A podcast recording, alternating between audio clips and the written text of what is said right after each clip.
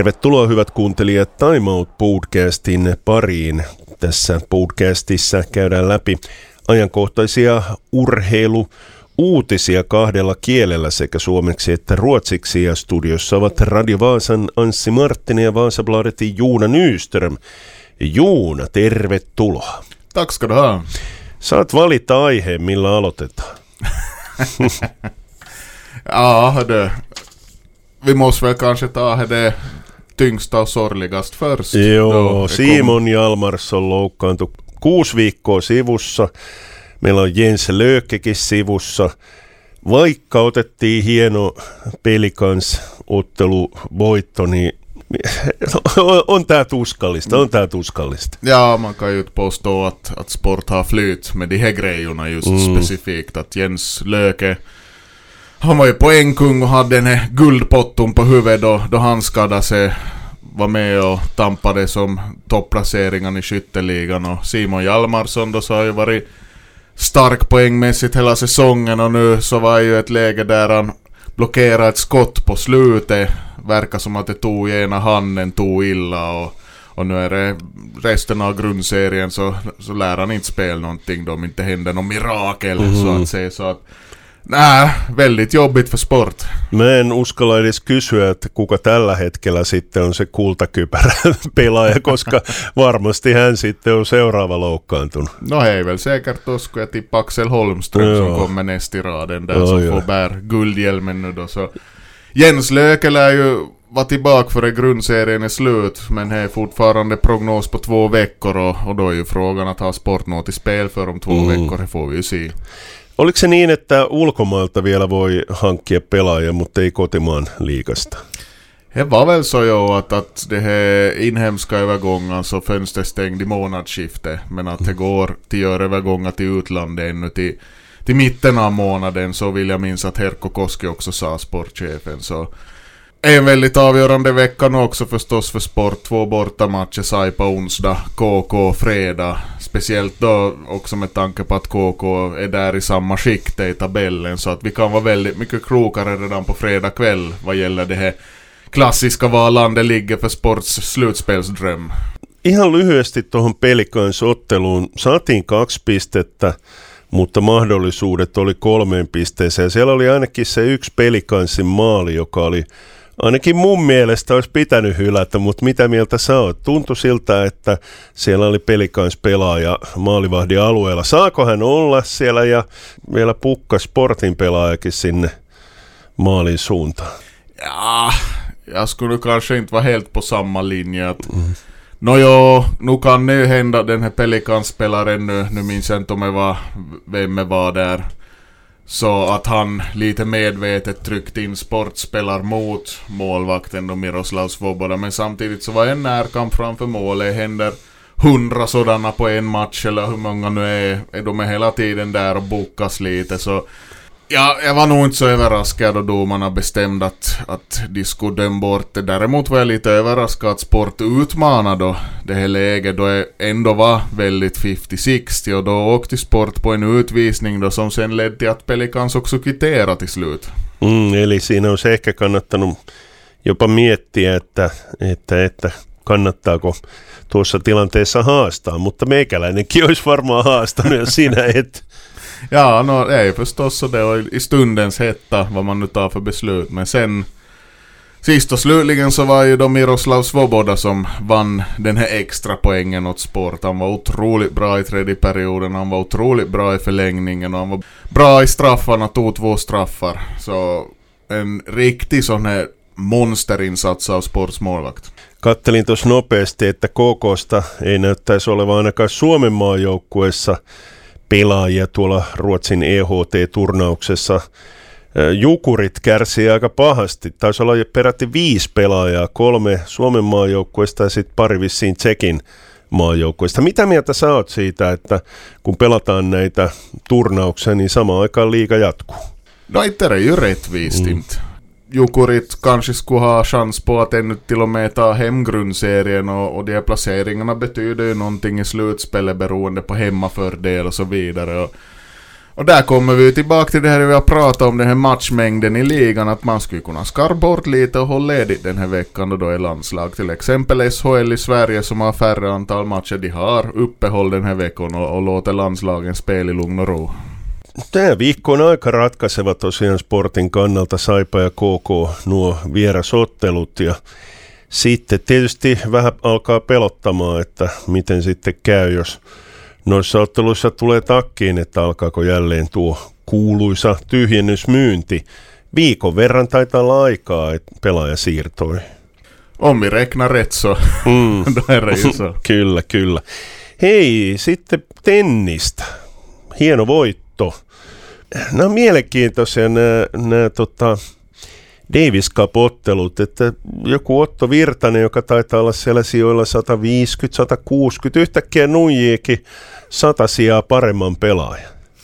Ja, inte vet jag sen då att, att ha det att göra med vilket skede vi är i säsongen nu är tidigt på året, att, att, att hur bra i form motståndarna har varit och sen så var ju också tal om här, då man spelar ju i Åbo, man spelar på en plan som var ovanpå isen där i ishallen och och jag minns inte om det var vilken av de spelarna som var i intervju som sa att ja, Finland har ju klar fördel av det för att det här underlaget påverkar så tydligt hur bollen studsar. Så, sådana saker får man mm. också räkna in. Joo, mä ymmärsin näin, että Jarkko Nieminen oli nimenomaan tämän kentän suunnitellut suomalaisia varten. Ja se on aika mielenkiintoista, että toi kenttä vaikuttaa niinkin paljon sitten pelaamiseen. No är förstås också man spelar på olika under, underlag i tennis så att man tycker ju att spelarna skulle kunna, eller är ganska van till anpassa till sån här, men jag tror ju inte att det, till exempel portugisiska tennisspelare så ofta spelar i en ishall, mm. så det är väl lite nytt för det. Joo, ja hienoahan oli se, että siellä oli paljon väkeä. 7000 oli ainakin yhtenä päivänä ja taisi olla vielä enemmän silloin lauantai-otteluissa, että onko tennis nyt sitten uusi koripallo? Jag skulle just säga, jag skulle just säga att det var ju mycket folk nere på den här finalturneringen i fjol och då det blev succé för Finland. Och nu, nu ser vi lite det här susi boom att det var folk där i, i hallen med trummor och allt möjligt. Och det är kanske inte riktigt hur man är van till se i, i tennissammanhang, det är ju mera det här det är folk i, i, i finkläderna som smuttar på champagnen eller mm, kanske siellä, jag bara tänker på Wimbledon. Niin, mutta siellähän oli paljon poliitikkoja, siellä oli ministereitäkin katsomassa, muistaakseni Anna-Maja Henrikssonista lähtien näytti oleva paljon poliitikkoja paikalla. Ja, ja, no menee hör till för en politiker till synas i alla sammanhang. Time Out Podcast käynnissä studiossa ovat Radio Vaasan Anssi Marttinen ja Vaasabladetin Juuna Nyström ja seuraavaksi puhutaan jalkapallosta, puhutaan Vaasan palloseurasta ja kun me viime tiistaina teimme ohjelmaa, niin kului pari tuntia ja tuli tieto, että Saavio jättää Vaasan palloseura ja siirtyy Iranin liigaan. Ja ensimmäisenä meikäläisellä tuli mieleen, että onko Seba suositellut Irania Saaviolle.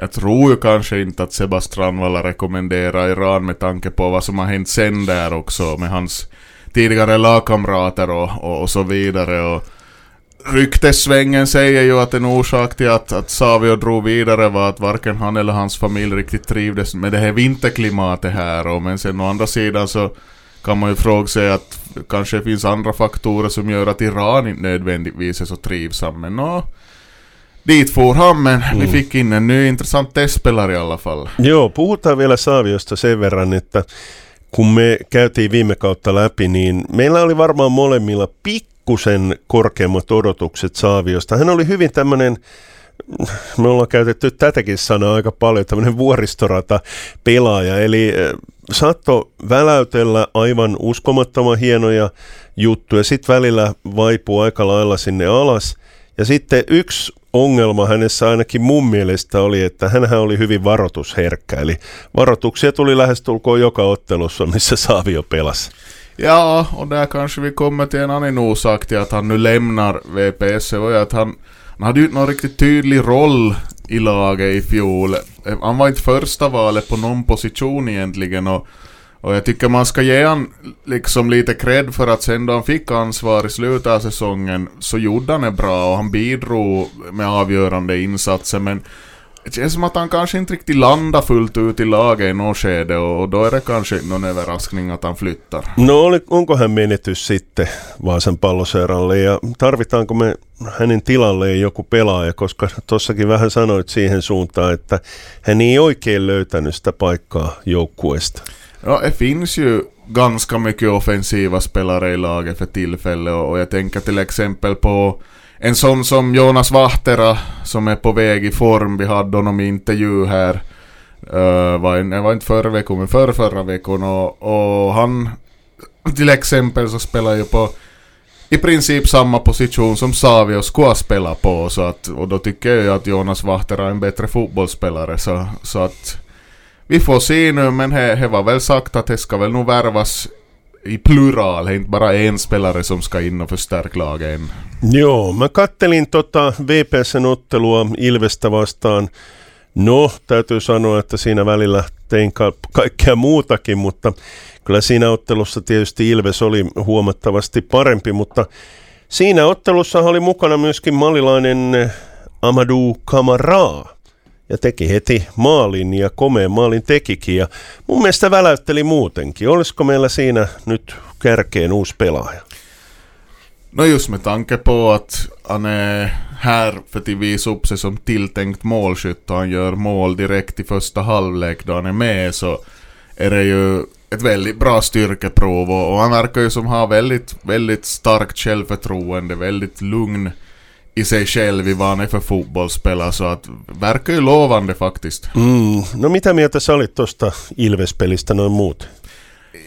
Inte är resultatet riktigt så överraskande. Man tänker att Ilves bygger om, ny coach, de har värvat in väldigt bra spelare och, och det finns säkert ett sånt här nytt go i hela laget som gör att man, man kan ta en sån här seger i, under försäsongen. De vann ju över Kups också i första omgången i ligacupen så Sen å andra sidan så är det väldigt tidigt att säga att allting ska ännu falla på plats. Så, men jag tror nog, jag tror nog om Ilves får ett i klaff så kan det nog, alltså det är nog ett topp tre lag i ligan.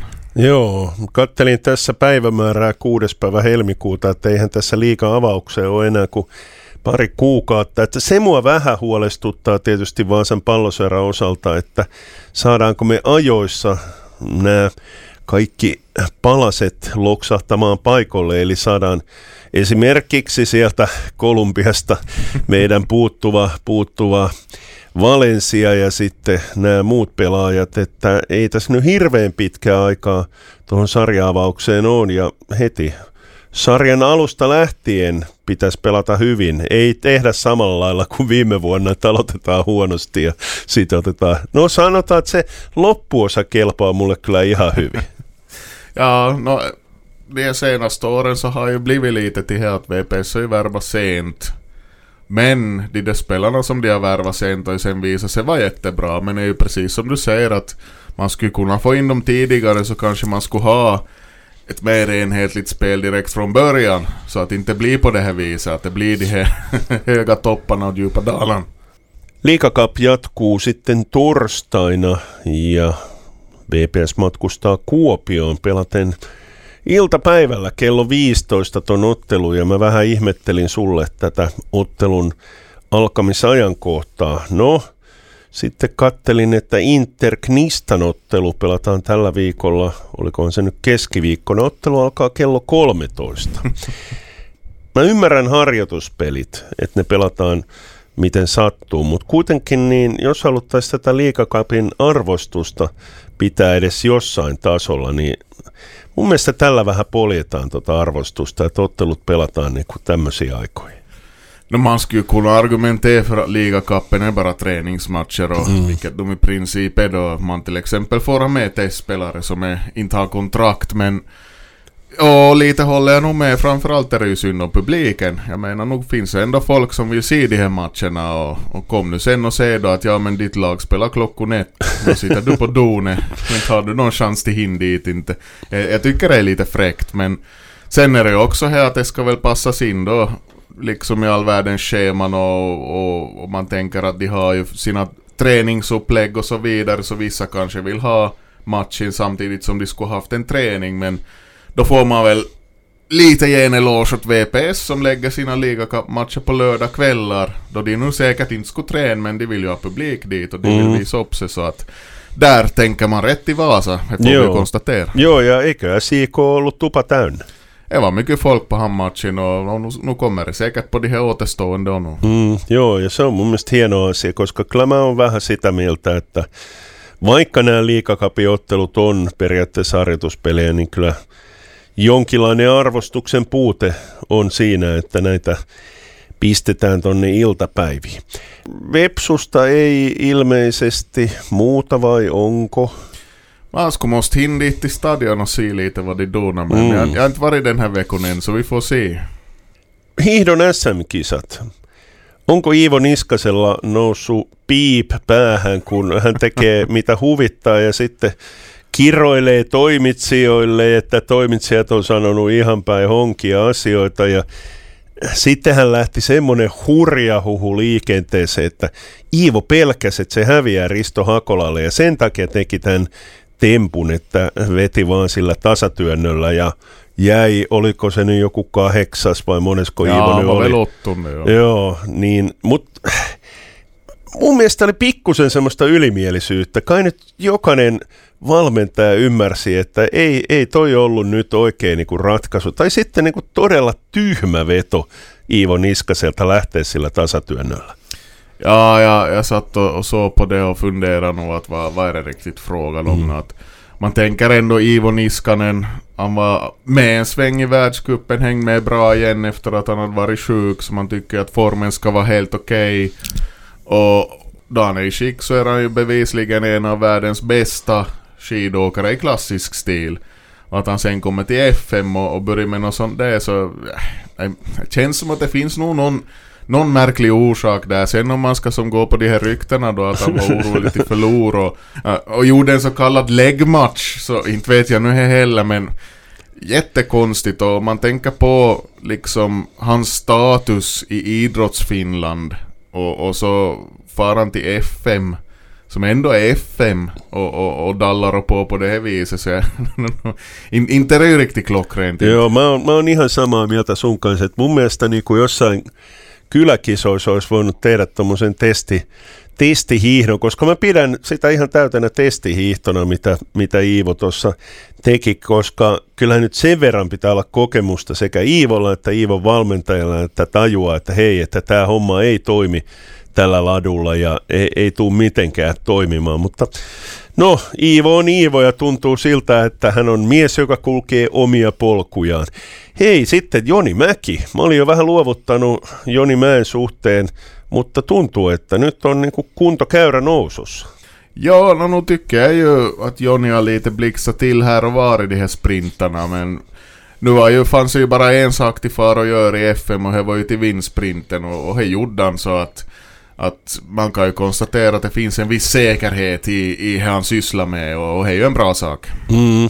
Vieläkö sulla on mielessä jotain ajankohtaisia urheiluasioita? Ja, vi måste ju nog nämna att det är ju Super Bowl den här veckan. Oi, niinpä se onkin. Mä uskon, että mä en valvo. Mihin aikaan se alkaa muuten? Uh, matchen börjar 01.30 finsk tid natten till måndag. Oi. Då är det avspark och, och visas på, på riktigt öppen gratis-tv på MTV3. Joo. Mä en muista, että onko mulla maanantaina aamuhuki. Että jos on aamuhuki, niin tulisi suoraan siitä, kun on katsonut Super Bowlin, niin sen jälkeen, sen jälkeen sitten amerikkalainen jalkapallo. Mi, mi, minkälainen asema sillä sun mielestä on täällä Suomessa? Onko se vaan Super Bowl, joka katsotaan ja Nå, no, jag skulle säga att jag har en känsla av att folk har börjat följa sporten mer. Och just då förstås främst NFL. Sen om man ser på hur jag sett ut i ligan, division 1 eller som liksom på toppnivå nationellt så där så har utvecklingen lite gått i stå. Det är inte så många lag som är med och, och de här vissa lagen har jättesvårt att få ihop ekonomiskt, att få det till snurra en säsong.